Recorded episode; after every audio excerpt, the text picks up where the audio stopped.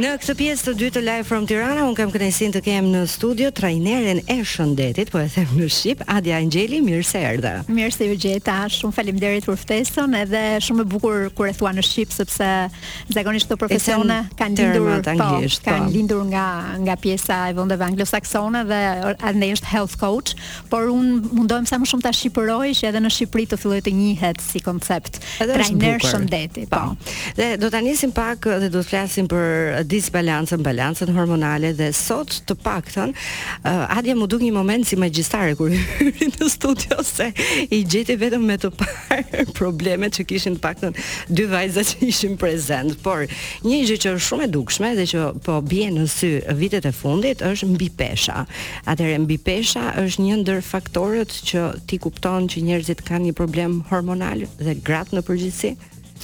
Po, po mbipesha është një nga ato faktorë të cilët ja është sinjali i parë i alarmit mm -hmm. që i jep trajnerëve të shëndetit një indikacion që ka diçka që nuk funksionon në aspektin hormonal të trupit.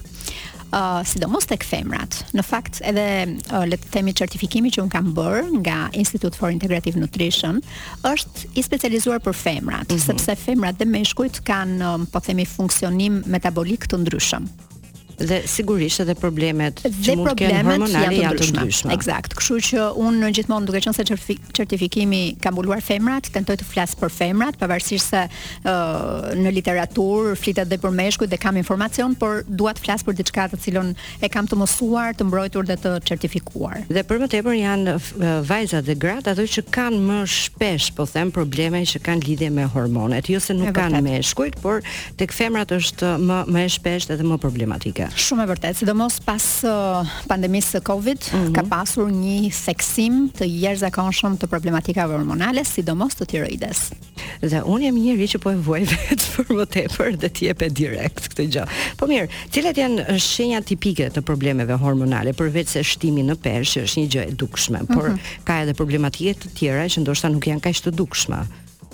Shtimi në peshë është siç e thashë sinjali i parë i alarmit, por edhe te shtimi në peshë unë dua të ndalem pak sepse nuk është një shtim në peshë i çfarëdoshëm. Mm -hmm. Në qoftë se për shembull ne kemi pasur gjithmonë peshë normale dhe në një moment të caktuar fillojmë të abuzojmë në thonjza pak me ushqimin, bëjmë një jetë sedentare dhe fillojmë shumë gradualisht të shtojmë peshë, po themi 1 kilogram në 2 muaj dhe gjatë një viti shtojmë, po themi 3-4 kilogram, kjo nuk është domosdoshmërisht shenjë e një problematike hormonale, sepse është vetë lifestyle-i jo, mm -hmm. stili i jetesës. I jetesës i cili na ka na ka na ka bërë që të të pra kemi këtë problem. Pra jemi ne që kemi po. prishur pa. Po. pak ekuilibrin me me ushqimin. Por mbipesha është një sinjal alarmi atëherë kur ne marrim peshë në mënyrë të menjëhershme e para ose kur vendosim që të biem nga pesha dhe nuk, nuk ja dalim dot, pra është peshë rezistente quhet. Ose një rast tjetër kur ne ham pak, për shembull shumë prej klienteve të mia më thonë që un ha sidomos ato që kanë probleme me tiroiden, sidomos me Hashimoto, ë uh, më thonë uh, un ha shumë pak dhe mjafton të ha një kokërr mollë dhe mua më kthehet në shëndet. Do ta vazhdoj madje këtë sepse jam e bindur që janë të shumtë ato vajza që janë në dëgjim që kanë një problem të tillë, por fillimisht do të shkojmë te Guillerme. Adja, e lamë bisedën tek një problem që jo vetëm që e kam dëgjuar shpesh, po e dëgjoj gjatë gjithë kohës edhe tek mikeshat e mia, pra që nuk kanë ndryshuar rutinën në mënyrën se si ushqehen, por prap nuk i rrëzojnë dot kilogramët e tepër që mund të kenë marrë. Dhe është pikërisht ky indikacioni që duhet të na japi ne një sinjal alarmi që ka diçka që nuk po shkon me hormonet tona. Mm -hmm. Pra, mhm. kur është pes, pesha rezistente, kur ne ham pak, por përsëri marrim kile, jo vetëm që nuk dobësohemi, po marrim kile. Po, vazhdojmë të shtojmë në peshë. Po, vazhdojmë të shtojmë, ose kur kemi shtuar peshë në mënyrë të menjëhershme, ndërkohë që nuk kemi ndryshuar ndonjë gjë në stilin tonë të jetesës, pa themi. Këto janë uh, sinjalet e para të alarmit. Çfarë ka përveç peshës? Se nuk është mhm. vetëm pesha që tregon për probleme hormonale. Uh, janë uh, të gjitha problemet që lidhen me tiroiden, pra simptomat që lidhen me tiroiden. Gjëja e parë është mungesa e energjisë. Ne nuk kemi energji, zgjohemi në mëngjes dhe jemi të drenuar nga energjia. Pra në vend që ne të jemi të karikuar, Ne jemi të lodhur. Trupi i njeriut është bërë nga Zoti në një mënyrë të tillë që në mëngjes kortizoli, i cili është hormoni i stresit, por është edhe hormoni i energjisë, mm -hmm. që na jep energji, nëse për shembull të ka rastisur që të marrësh kortizol nga jashtë për sëmundje uh, inflamatore, ke një boost energjie për një herë, domethënë ke shumë energji, thua çfarë të bëj, merr me një herë. pra, kortizoli siç është hormon stresi, është edhe uh, hormoni i cili të jep shumë energji. Kështu që dhe kështu është bërë, është konceptuar trupi i njeriut që në mëngjes kur është aktiviteti jonë kryesor dhe më i rëndësishëm i ditës ne të kemi energji. Qoftë se ti zgjohesh në mëngjes dhe je pa energji, mm -hmm. kjo tregon që ka një problem potencial, se jo gjithmonë është i tillë, me hormonin e tiroides. Tjetër, na qëndrojnë duart dhe këmbët e ftohta, po. vazhdimisht nuk na qarkullon mirë. Është e grave dhe vajzave. E grave dhe vajzave, sidomos kur kanë probleme me tiroiden. uh, është shtimi në peshë, siç e tham, gjithmonë te pjesa pjesa e tiroides. Um, kemi probleme të tjera për shembull që nuk mbesim dot shtatzan. Mm -hmm. Problemet e infertilitetit të femrave. Uh, problemet e infertilitetit lidhen me shumë faktorë të tjerë, ku midis tyre bën pjesë edhe disbalanca hormonale, pra hormonet tona femërore, estrogeni, progesteroni, nuk janë në nivelet që duhet të jenë ose hormonet tona mashkullore si femra nuk janë në nivelet që duhet të jenë, sepse femrat përveç hormoneve femërore prodhojnë dhe hormone mashkullore, mm -hmm, të cilat duhet të jenë në një balancë të caktuar në mënyrë që të funksionojë trupi siç duhet dhe fertiliteti siç duhet. Në rast se ne kemi hormone mashkullore të larta, të cilat shfaqen me akne në mhm. pjesën e fytyrës, me qime në pjesën e mjekrës, sidomos, po, po tregon që hormonet tona mashkullore mund të jenë më të larta. se niveli i kërkuar dhe kjo bën që hormonet e tjera, estrogeni dhe progesteroni mos funksionojnë siç duhet. Këto sjellin problematika me ciklin menstrual, na vonohet cikli, nuk na vjen çdo 30 ditë. Mund të kemi cikël një herë në 3-4 muaj, një herë në 2-3 muaj. Pra problemet e ciklit menstrual të gjitha lidhen përgjithsisht me problematika të disbalancës hormonale. Edhe me shumë faktorë të tjerë, nuk është vetëm disbalanca hormonale, por, por ne po fokusohemi tek kjo, po. po. Shumë shpesh tek Kështu që këto janë, domethënë rënia e flokëve për shembull lidhet me tiroiden, por mund të lidhet edhe me mm. hormonet mashkullore që përmenda pak më parë.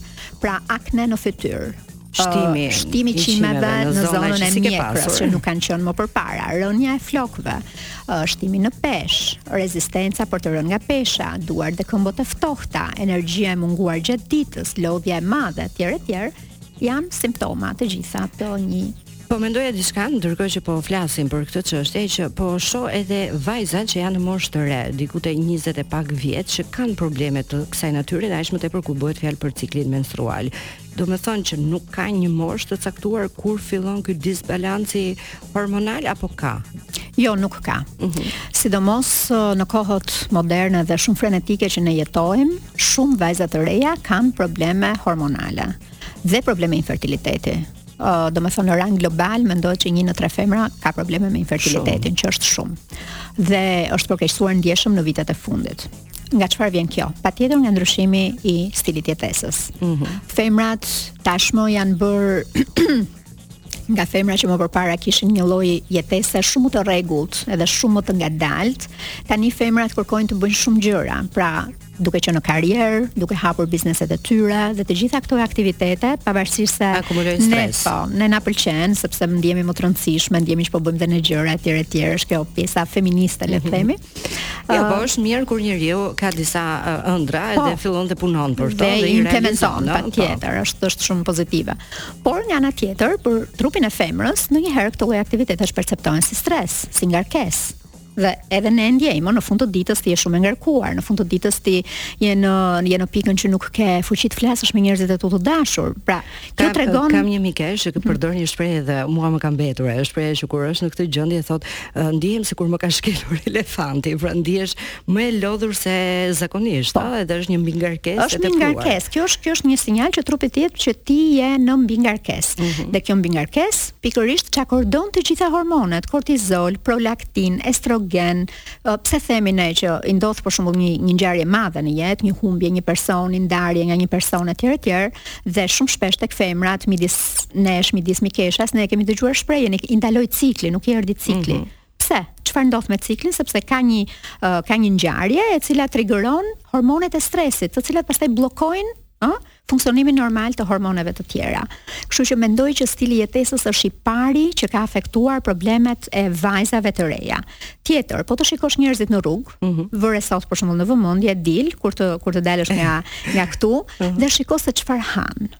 Ose kanë në dorë ushqime të procesuara, ose kanë patatina, ose kanë byrek, ose kanë pra, fast gjëra food. të fast foodit, edhe gjëra që të gjithë e dimë që janë të pashëndetshme. Dhe, janë të pashëndetshme jo dhe janë nuk i japin nuk i japin nutrientë trupit. Jo vetëm që nuk i japin nutrientë, po i japin edhe disnutrientë. Mm. I japin edhe sheqer të shtuar, kimikate, aditivë, yndyrna të procesuara, sepse yndyrna nuk është yndyra nuk është e keqe në vetvete. Por në këtë formë është e dëmshme. Por në këtë formë është shumë e dëmshme, është shumë e dëmshme. Domethënë, ë uh, ushqimi ka një rol të jashtëzakonshëm dhe uh, femrat e reja ushqehen shumë keq. Po themi mosha nga adoleshenca deri në 25 vjeç, 28 vjeç. Pastaj ka një lloj ndërgjegjësimi, rindërgjegjësimi. Po, se kur fillon edhe rritesh edhe po. kupton po. edhe pak më shumë për trupin, atëherë fillon të ndërgjegjësohesh e ndoshta merr informacionet e duhura. Po. Mirë, ne do të flasim pak edhe për natyrë, për gjëra natyrale, çfarë mund të përdorim kur kemi këto probleme, sepse ndodh edhe një gjë kur uh, nuk dua të ofendoj asnjë mjek, por herë pas here ne shkojmë edhe bombardojmë trupin tonë me ilaçe apo medikamente të ndryshme, por që prapë nuk kanë një lloj efekti, por ndoshta mund të jenë edhe të dëmshme në një mënyrë tjetër. Kështu që mirë është të mësojmë disa kura natyrale që të lehtësojmë të gjitha këto probleme që ne po flasim. Vetëm pas pak fillimisht do të shkojmë në publicitet dhe rikthehemi në studio me Adrian për të folur për Kurat natyrale që të shpëtojmë nga disbalanca hormonale. Live from Tirana. Top Albania Radio. Live from Tirana. Vazhdojmë diskutimet dhe flasim për probleme që hasin ëh, për fat të keq vajzat edhe gratë, ndërkohë e lam tek disa mënyra natyrale për të gjetur këtë balancin hormonal edhe pse kjo është një nisje, pastaj ka edhe gjëra të tjera. Atëherë, uh, për shembull, çfarë vë re unë nga problemet e zakonshme që më thon klientet e mia? Mm -hmm. uh, vë re atë që quhet uh, në gjinekologji, quhet sindroma premenstruale. Besoj është shumica e femrave e kanë përjetuar ose një herë në jetë, por ka edhe femra që e kanë çdo muaj. Mm -hmm. Pra që përpara se ne të na vi cikli menstrual, ne kemi një fryrje si tullumbace, si tullumbace nga momenti në moment. Vëmë re që kemi shumë mbajtje uji, Uh, pra kemi fryrje në fytyrë, mm -hmm. në mhm. gishta, po të shohim nuk na lëvizin unazat, mezi na lëvizin unazat.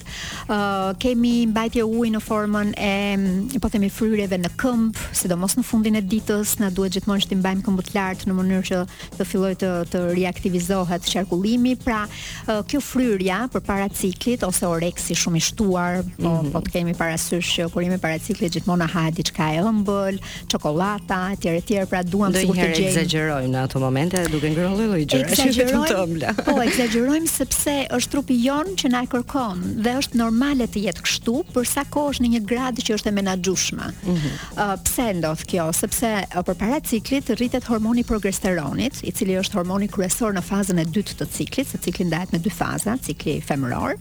Në fazën e dytë të ciklit ne kemi një mbizotërim të hormonit të progesteronit dhe hormoni i progesteronit rrit atë që quhet problemi i insulinorezistencës, që trupi jonë mhm. bëhet mm -hmm. rezistent ndaj përdorimit të hormonit të insulinës. Mm -hmm. Dhe çfarë jep insulinorezistenca? Jep pikërisht këtë, shumë neps dëshirë për të ëmbla, kemi mendjen tërë kohën vetëm për të ngrënë, ëh. Tam. Dhe është normale që të jetë kështu. Por për sa kohë është kap kap nivele të cilat janë të menaxhueshme, pra është gjithmonë po themi 2-3 ditë përpara se të na vi që kemi çik neps e, pastaj kalon. Kjo është një gjë normale, nuk ka nevojë pse të na shqetësojë. Kur bëhet jo normale? Jo normale bëhet kur ne kemi vazhdimisht. Gjithkohë. Kur ne kemi vazhdimisht, për shembull shumë prej prej uh, klienteve të mia më thonë që ne kur shkojmë në shtëpi në darkë, ulemi në divan dhe kemi mendje vetëm çfarë do ham. Hapim atë dollapin, çap, kap, çap. Mirë, është edhe uria nervore pasaj, që shpesh herë ne ngatrojmë dhe ndoshta edhe për çështje mungese informacioni, po, që është pikërisht ai momenti që nuk është se trupi na kërkon diçka, po. por na na rri mendja. Është shumë e vërtetë. Jo vetëm na rri mendja, por është ne gjejmë një lloj kënaqësie mhm. atje. Mm -hmm. Pra kur ne shkojmë dhe jemi shumë të lodhur nga dita, me çfarë mund ta gjejmë kënaqësinë? mund ta gjejmë tek ushqimi. Tani Adia ka një gjë, meqenëse e nisëm pak me këtë sindromën premenstruale mm -hmm. që zakonisht të sugjerojnë një kategori ilaçesh, qofshin këto mm -hmm. bimor apo jo. Por ndodh edhe një gjë që jo të gjitha vajzat apo gratë duke përdorur të njëjtin suplement, po them të kenë të njëjtat efekte. Dikujt mund t'i rri mirë dhe i bën efekt, po dikujt tjetër jo. Shumë e vërtetë. Çfarë ndodh në këtë rast? Ndodh ajo që unë rekomandoj gjithmonë që regjimet dhe programet duhet të jenë gjithmonë të personalizuara në mënyrë që ta kuptojnë që secila prej nesh po, është ndryshe dhe reagon ndryshe nga gjërat. Patjetër, se ajo biseda që po bënim pak më parë që ti më the që po, po merrja evening primrose, primrom primrose oil dhe uh, në vend që të më bënte mirë po ndjeja një fryrje. Mm -hmm. Sepse kur ne marrim një suplement të caktuar, duhet të kemi parasysh pse po e marrim. Pra kush është problemi? Dhe pa kuptuar kush është problemi, nuk nuk mund të kuptojmë kush është zgjidhja. Dhe uh, suplementet apo po themi përgatitjet bimore janë uh, natyrisht që kanë më pak efekte anësore se sa ilaçet. Ilaçet sigurisht. Por, por kanë dhe ato efektet e tyre anësore dhe duhen përdorur me vend, ëh. Kështu që gjithmonë është shumë e rëndësishme të drejtohemi te një profesionist dhe ta bëjmë gjithmonë të personalizuar. Pra mos jemi me këtë variantin, një shoqja ime mori këtë, po e marr dhe unë. Po, dhe këtë duhet ta heqim nga mendja të gjithë sepse e kemi të gjithë këtë lloj problemi. Tani, ndalemi tek disa këshilla që mund t'i japësh edhe mhm. çfarë mund të përdorim të paktën çajra bimor edhe që dihet që nuk janë të dëmshëm të mhm. paktën. në pjesën në pjesën e suplementeve bimore, unë për shembull personalisht për fryrjen për para ciklit për shembull rekomandoj shumë çajrat, për shembull çajrat e finokut, mm -hmm. çajrat e karçofit ose të gjitha jeshillëqet të cilat janë të hidhura, varianti i rukolës, varianti i lakrës kale, po qoftë edhe spinaçi, mm -hmm. sepse këto ndihmojnë në uh, funksionin detoksifikues të mëlçisë. Dhe shumica e problemeve hormonale janë të lidhura edhe me mosfunksionimin e duhur të mëlçisë. Pra mëlçia është aq e ngarkuar sa nuk arrin dot të bëjë detoksifikim të vetë hormoneve, sepse hormonet njëherë që prodhohen duhet edhe të të të, të dalin nga trupi, ëh. Mm -hmm. Dhe në momentin që mëlçia jo nuk arrin të detoksifikojë për shembull siç duhet estrogenin, kalojmë në sindromin e dominancës së estrogenit. Kështu që gjithmonë zgjedhim bimë apo suplemente të cilat na ndihmojnë në funksionin e mëlçisë. Siç e thash, jeshillëqet, çaji i karçofit, të hidhura. Të hidhura, po, duhet të mhm. ndjejmë ndjejmë hidhësi në gojë. Për sa kohë ndjejmë hidhësi në gojë, në çfarëdo lloj ushqimi, kemi parasysh gjithmonë që po i bën mirë mëlçisë dhe tëmthit, njëkohësisht të dyjave. Dakord. Tjetër, ë çaji finoku, Çaji karçofi, të cilat kanë efekt drenant shumë të mirë dhe bëjnë pikërisht atë shfryrjen, sepse fryrja nuk është gjë tjetër veçse akumulim uji në mhm. organizëm mm -hmm. dhe bëjnë pikërisht atë ë uh, shfryrjen e ujrave të tepërt nga organizmi. Ose për shembull është gjembaçi i gomarit, mm -hmm. një mhm. suplement i përdorur në gjithë botën që në antikitet, që ndihmon shumë për mëlçinë, për veshkat, për detoksifikimin e trupit, për drenimin e lëngjeve. Pra ka disa, le të themi që janë best practice në si si këto lloj çajrash, megjithatë thash çfarë i bën mirë një njeriu nuk i bën mirë një njeriu tjetër. Unë për shembull personalisht jam person që e kam tensionin e ulët. Mm -hmm. Dhe gjithmonë duhet të kem kujdes, edhe pse un kam bërë prova pafundme me veten time, se të gjitha jo gjërat i kam provuar. jo, prova në sensin kështu, suplemente dhe bimë. Ë uh, kam kam shumë kam shumë problem sepse shpesh herë bimët ulin tension Tensionin dhe ne nuk ndihemi mirë, ë? Ne nuk e kuptojmë nga çfarë është. Po e lidhim themi ja që kur fillova këtë unë unë s'po ndihem mirë. Nuk ndihesh mirë sepse një pjesë e mirë e bimëve ulin presionin e gjakut. Kështu që duhet kemi shumë kujdes, duhet të të dim ose për shembull një nga një nga gjërat po themi më të mira që mund të bëjmë është në mëngjes të pimë një gotë ujë po. me limon dhe për shembull ta shoqërojmë me një thelpi hudhër.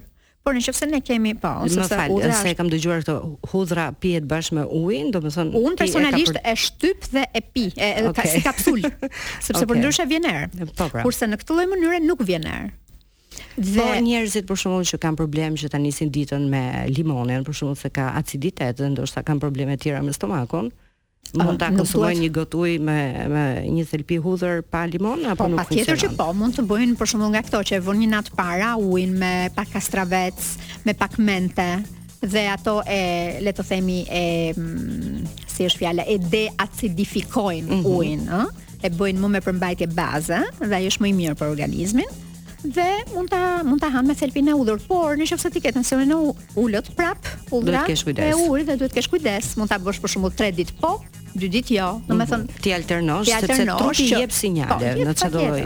Arsye po për njerëzit edhe e fundit do të pyes për njerëzit për shembull që kanë probleme me gjumin, mhm. sepse edhe gjumi është një indikator që bën disbalancin hormonal. Shumë e vërtetë dhe ne harruam ta përmendim në mhm. fillim në fakt. Është i rëndësishëm. Gjumi është shumë i rëndësishëm. Njerëzit që flenë pak gjumë, që thon nuk më zë gjumi dot para orës 12, mm. edhe më del në orën 5, edhe ky është një sinjal alarmi. Okej, okay, në qoftë se nuk e ke pa, domethënë e ke pasur të natyrshmen tënde gjithmonë kështu, është normal, sepse çdo organizëm është është i ndryshëm, por në qoftë se ka filluar në një moment të caktuar pagjumësia, domethënë që mund të kemi një problem hormonal. Dhe çfarë mund të bëjmë për gjumin? Mm -hmm. E para fare që unë them, domethënë kështu pa pa pa personalizuar uh -huh. është të fillojmë të marrim një suplement me magnez. Me magnez. Sepse zakonisht njerëzit në kohën e sotme janë deficient në magnez, pra nuk kanë në trupin e tyre përmbajtje të duhur të magnezit dhe magnezi sidomos i formës magnezium glicinat është shumë shumë i përshtatshëm për të sjellë një gjumë të mirë, për të reduktuar nivelet e stresit, për të ulur ankthin që mund të kemi kur ne vëmë kokën në jastëk e me radhë. Unë dua të të falenderoj shumë e dashur për të gjitha këshillat dhe gjërat që mm, duhen diskutuar sepse trupi është ai um, organ që të jep sinjalet kur gjërat nuk shkojnë. E di që do takohemi sërish për të folur për problematika të tjera. Të uroj një ditë të mbarë në vazhdim. Gjithashtu dhe ju faleminderit. Ndërkohë ne miq do të shkojmë uh, te kënga Do vij nga Elgit Doda.